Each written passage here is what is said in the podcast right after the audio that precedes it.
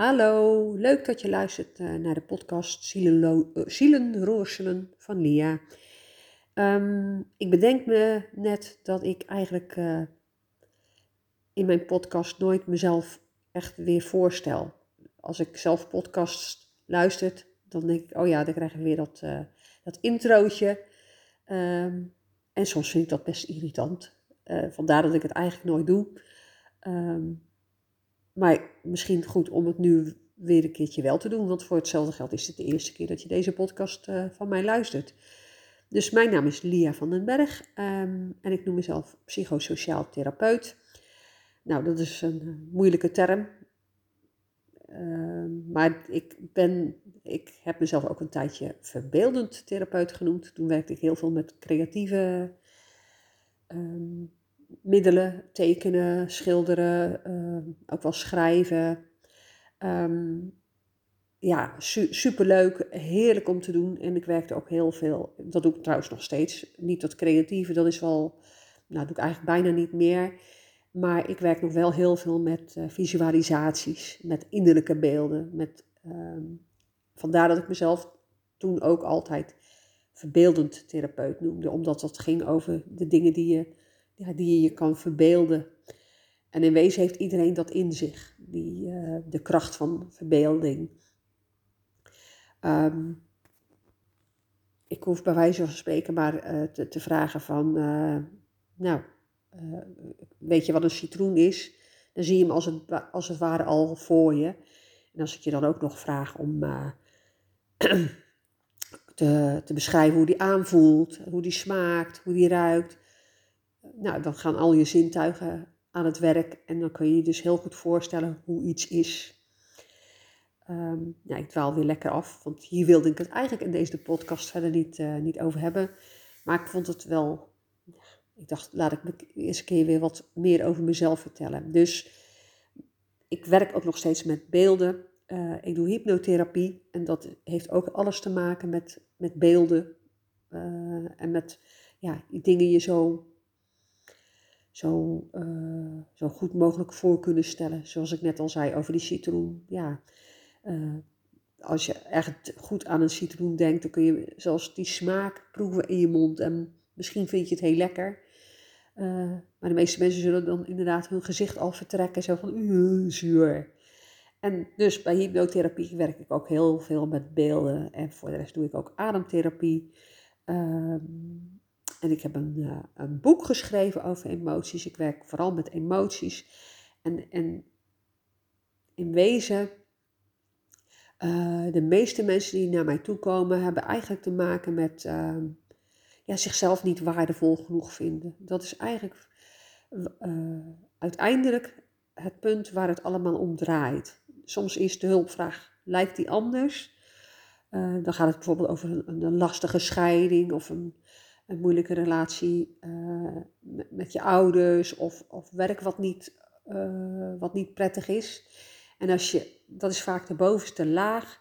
En als je dan, ja, als ik dan samen met jou dieper ga kijken, dan heeft het vaak toch te maken met jezelf niet goed genoeg voelen, uh, weinig zelfvertrouwen. ja, eigenlijk vaak dieper gelegen oorzaken. Nou, dat uh, wil ik niet de hele podcast aanwijden. Dus al bedankt dat je het tot zover volgehouden hebt. Maar waar ik het dus wel over wilde hebben vandaag met jou, was uh, over zelfleiderschap. Um, want uiteindelijk is mijn therapie er ook op gericht dat je uh, zelf de touwtjes weer in handen gaat krijgen. Dus zelf weer de leiding neemt over je leven. Uh, daar is, ja, dat is uiteindelijk de bedoeling. Je moet niet je hele leven in therapie zijn.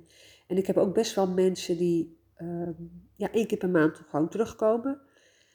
Uh, of één keer per twee maanden of zo. En dat is, dat is ook prima natuurlijk. Want soms is het gewoon fijn om weer even met iemand te praten. Weer even dingen voor jezelf op een rijtje te zetten.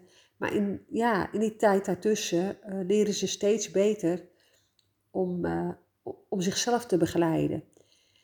En dat is ook het mooie van, ja, eigenlijk van volwassen zijn.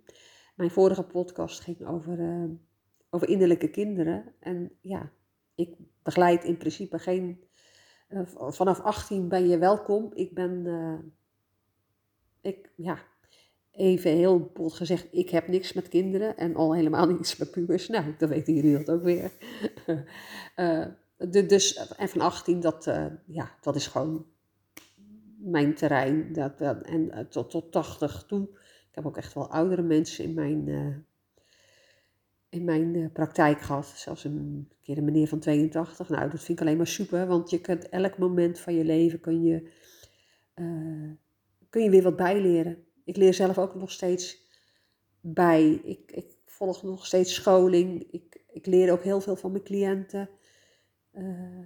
Ja, uiteindelijk spiegelen we elkaar. Dus dat, dat is wel heel erg mooi. Goed, terug naar het zelfleiderschap. Um, want ja, in eerste instantie als je op de wereld komt, dan zijn het vooral je ouders die je begeleiden. Um, en dat moet ook dat kan ook niet anders. Hè? Ze, moeten je, ze moeten je begrenzen, ze moeten je leiding geven. Ehm, en, maar het heeft heel veel effect op hoe jij ook naar jezelf kijkt, hoe jij jezelf begeleidt. Hoe, hoe je zelf tegen jezelf praat, dat heeft daar vaak wel, wel mee te maken. Ehm, en ja, soms, soms uh, je krijgt natuurlijk gewoon goede voorbeelden mee vanuit je ouders, maar je krijgt ook wat minder prettige ervaringen. Ook dat is inherent aan het leven. Dat hoort er nou eenmaal bij. En uh, zolang je ouders alles met de allerbeste bedoelingen doen, uh, ja, kan je dat ook, ook wel accepteren. Hè? Uh, ouders maken fouten. Ik ben zelf ook ouder en ik heb ook, ondanks al mijn goede bedoelingen, ook mijn kinderen vast en zeker eh, regelmatig pijn gedaan. En ja, de kans is groot dat ik dat nog steeds doe. Maar goed, hoe je ouders jou begeleid hebben, daar kan je niks aan veranderen. Maar hoe jij jezelf begeleidt, daar kun je wel wat aan veranderen. Want we kunnen, uh, we kunnen heel lelijk doen tegen onszelf. Uh, onszelf opjagen, ehm, eh, uitschelden, ehm, ja, op, opjutten. Of, of juist zo begeleiden dat je geen stap verder komt. Hè? jezelf, van je, tegen jezelf zeggen dat, je, dat het best prima is om alleen maar de hele dag op de bank te leggen, Netflix te kijken, uh, eten. Ehm, ja, en dat, dat is ook niet helpend, zeg maar. En het grappige vind ik, um, we ja, de meeste mensen hebben, de meeste mensen die het luisteren, denk ik ook, hebben uh, ja, een baan. Of uh, in ieder geval heb je altijd wel iemand die waar je naar moet luisteren of waarnaar je wil luisteren. Er is altijd wel iemand die jou in bepaalde opzichten begeleidt. En dat kan natuurlijk gewoon je baas zijn op het werk. Uh, nou, met partnerschap heb je dat natuurlijk ook. Of misschien uh, ben je nog jong en, en, zijn je ouders nog wel uh, degene die jou begeleiden, die, die de regels stellen. Dat, dat kan natuurlijk. Um, en het leuke vind ik dat je daar ook bepaalde leiderschapsstijlen in herkent. Um, en als je een beetje door hebt, um, nou ja, in ieder geval hoe jij naar jezelf kijkt, hoe jij jezelf begeleidt, want daar gaat deze podcast uiteindelijk om. dan, kan je daar ook, ook uh, veranderingen in aanbrengen als dat bijvoorbeeld niet prettig is. Dus ben jij heel autoritair naar jezelf toe, zit jij jezelf de hele dag op je kop en uh, vind je dat je van alles niet mag uh, en wel moet, dan kan je ja, jezelf dus eigenlijk heel autoritair begeleiden. Um, nou, ik denk dat dat de relatie met jezelf niet ten goede komt. Uh, ik denk, wat, wat je ziet is dat, dat je dan in een soort constante strijd terechtkomt. Dus nou, misschien herken je dat wel in, in jezelf, dat je uh, heel streng kunt zijn voor jezelf, dat je niet ziek mag zijn, dat je niet lui mag zijn, dat je uh, altijd moet presteren, dat het altijd beter kan, dat je jezelf geen complimentjes geeft, maar alleen kijkt naar wat er niet goed gaat uh, in je leven. Nou, dat, dat, hè, dan kan je jezelf op een autoritaire manier begeleiden. Lijkt mij niet heel erg prettig. Ehm, maar dat kan natuurlijk. en, en nogmaals, misschien voor de goede orde, ik, ik, ik schets hier een aantal leiderschapstijlen. En vaak zijn het, is het iets wat je soms doet, niet altijd. Dus het zijn een beetje de, de grote lijnen. Maar ik kan me voorstellen dat je je daar misschien wel, wel in herkent. Nou, dan heb je bijvoorbeeld het, de democratische leiderschap. Nou, dat is denk ik het meest prettige. Dus dat wil eigenlijk zeggen dat je uh, ja, eigenlijk wel vriendelijk bent voor jezelf, maar ook, uh, maar ook realistisch. Dus, dus dat je, nou, als je heel erg moe bent of wat dan ook, dat je denkt, zegt tegen jezelf van, goh, nou, weet je, ga lekker even een kwartiertje op de bank liggen of een Netflix-serie kijken of een podcast luisteren. En daarna ga je dan weer, weer aan het werk. Ga je doen wat je, wat je moet doen. Hè, in overleg. Dus een soort vriendelijk overleg en af en toe jezelf een beetje net even een duwtje in de rug, goede richting geven. Van nou, kom op, ga, ga ervoor. Of uh, uh, even doorzetten. Dat, dat zie ik dan in ieder geval als uh, democratisch leiderschap. Hè? Dat, dat, eigenlijk kun je het ook een beetje zien dat, dat alle delen van jezelf dan aan het woord komen en hun zegje mogen doen. En dat uiteindelijk jij degene bent die, die de keuze maakt van, nou ja, dit gaan we wel doen of dat gaan we niet doen. En uh, er zijn nog veel meer leiderschapstijlen hoor, maar uh, ik, uh, ik beken maar, ik ben wel een beetje van de laissez-faire leiden, leiderschap. En dat wil eigenlijk zeggen dat je alles goed vindt. En voor, ja, om heel eerlijk te zijn, voor mij werkt het. Ik ben heel lang, heb ik ehm, was ik denk ik vrij autoritair tegenover mezelf. Dat ik uh, van mezelf van alles moest. Dus, en eigenlijk was het een soort uh, tweestrijd. Hè? Want als ik van, van mezelf van alles moet, dan, uh, dan de autoritaire leider in mij is, staat dan op, op de voorgrond. En die vindt van ja, je moet dit en je moet dat en, en zus en zo. en tegelijkertijd zorgt dat in mij voor ongelooflijk veel weerstand, waardoor er helemaal niets meer gebeurt. op het moment dat iemand tegen mij zegt, ja, je moet zus en je moet zo, dan haak ik onmiddellijk af en dan gebeurt er dus helemaal niks meer. Maar ja, uh, als ik ook zo tegen mezelf praat en dan vervolgens ook niks doe, dat schiet niet echt op. Dus maar heel lang heb ik uh, mezelf op die manier geprobeerd, geprobeerd te begeleiden. En dat leidde eigenlijk alleen maar tot een heleboel inwendige strijd, door, tot een heleboel uh, discussies in mijn hoofd. Um, en het gebeurt me nog wel hoor, maar ik ben er veel alerter op dat ik denk van nou, dit gaat mij niet helpen. De zweep erover gaat mij niet helpen. En er zijn mensen waarbij het wel schijnt te helpen, maar ik vermoed dan toch altijd dat er dingen zijn die daardoor uh, heel erg ja, onderdrukt worden. Maar de laissez-faire leiderschap, ja, dat is eigenlijk, uh, is eigenlijk een hele vrije manier van leiding geven. Um, en voor mij werkt dat.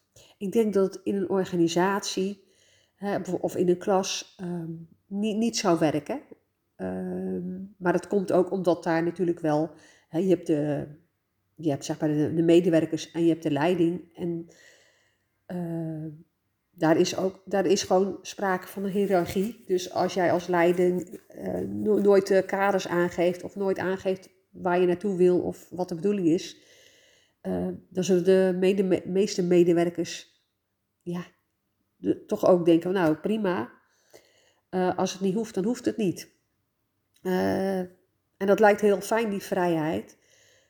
Maar uiteindelijk word je er ook niet gelukkig van dat, er ook, dat je ook eigenlijk nooit goedkeuring krijgt, zeg maar. Maar even terug naar zelfleiderschap. Um, ik noem mezelf dan een laissez-faire leider naar mezelf toe.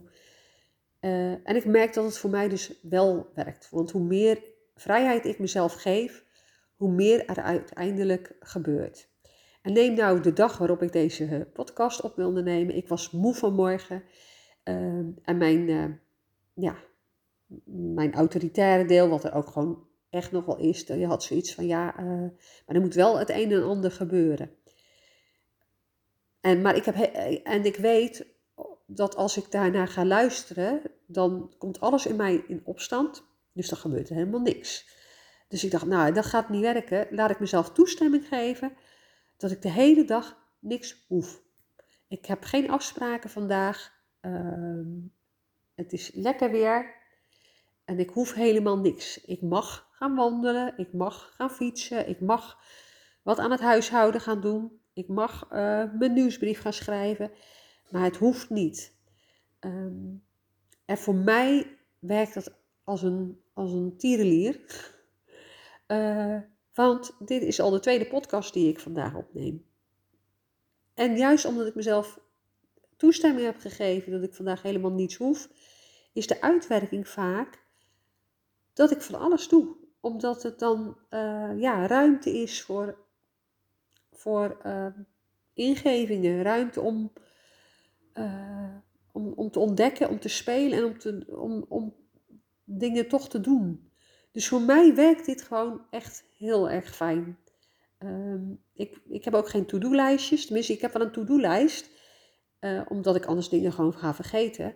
Maar ik plan dus nooit in van nou, uh, maandag van, uh, van 10 tot 11 moet ik mijn boekhouding doen. En vrijdag van dan moet ik iets aan PR doen of een podcast opnemen. Omdat hoe meer druk ik mezelf opleg, hoe minder ik presteer. Dus voor mij is deze leidinggeven, stijl van leidinggeven aan mezelf uiteindelijk gewoon het meest help, helpend.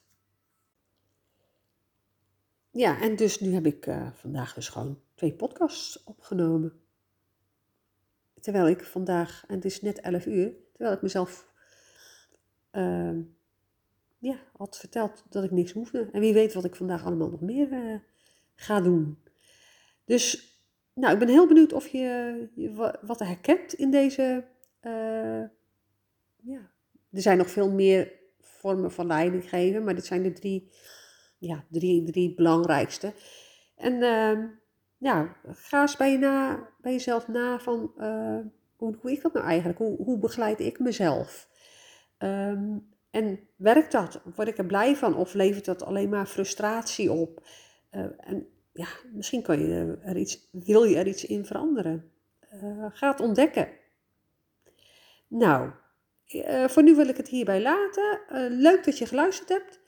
En uh, ja, heb je vragen, opmerkingen? Laat het me vooral weten. En ehm, nou, tot de volgende keer.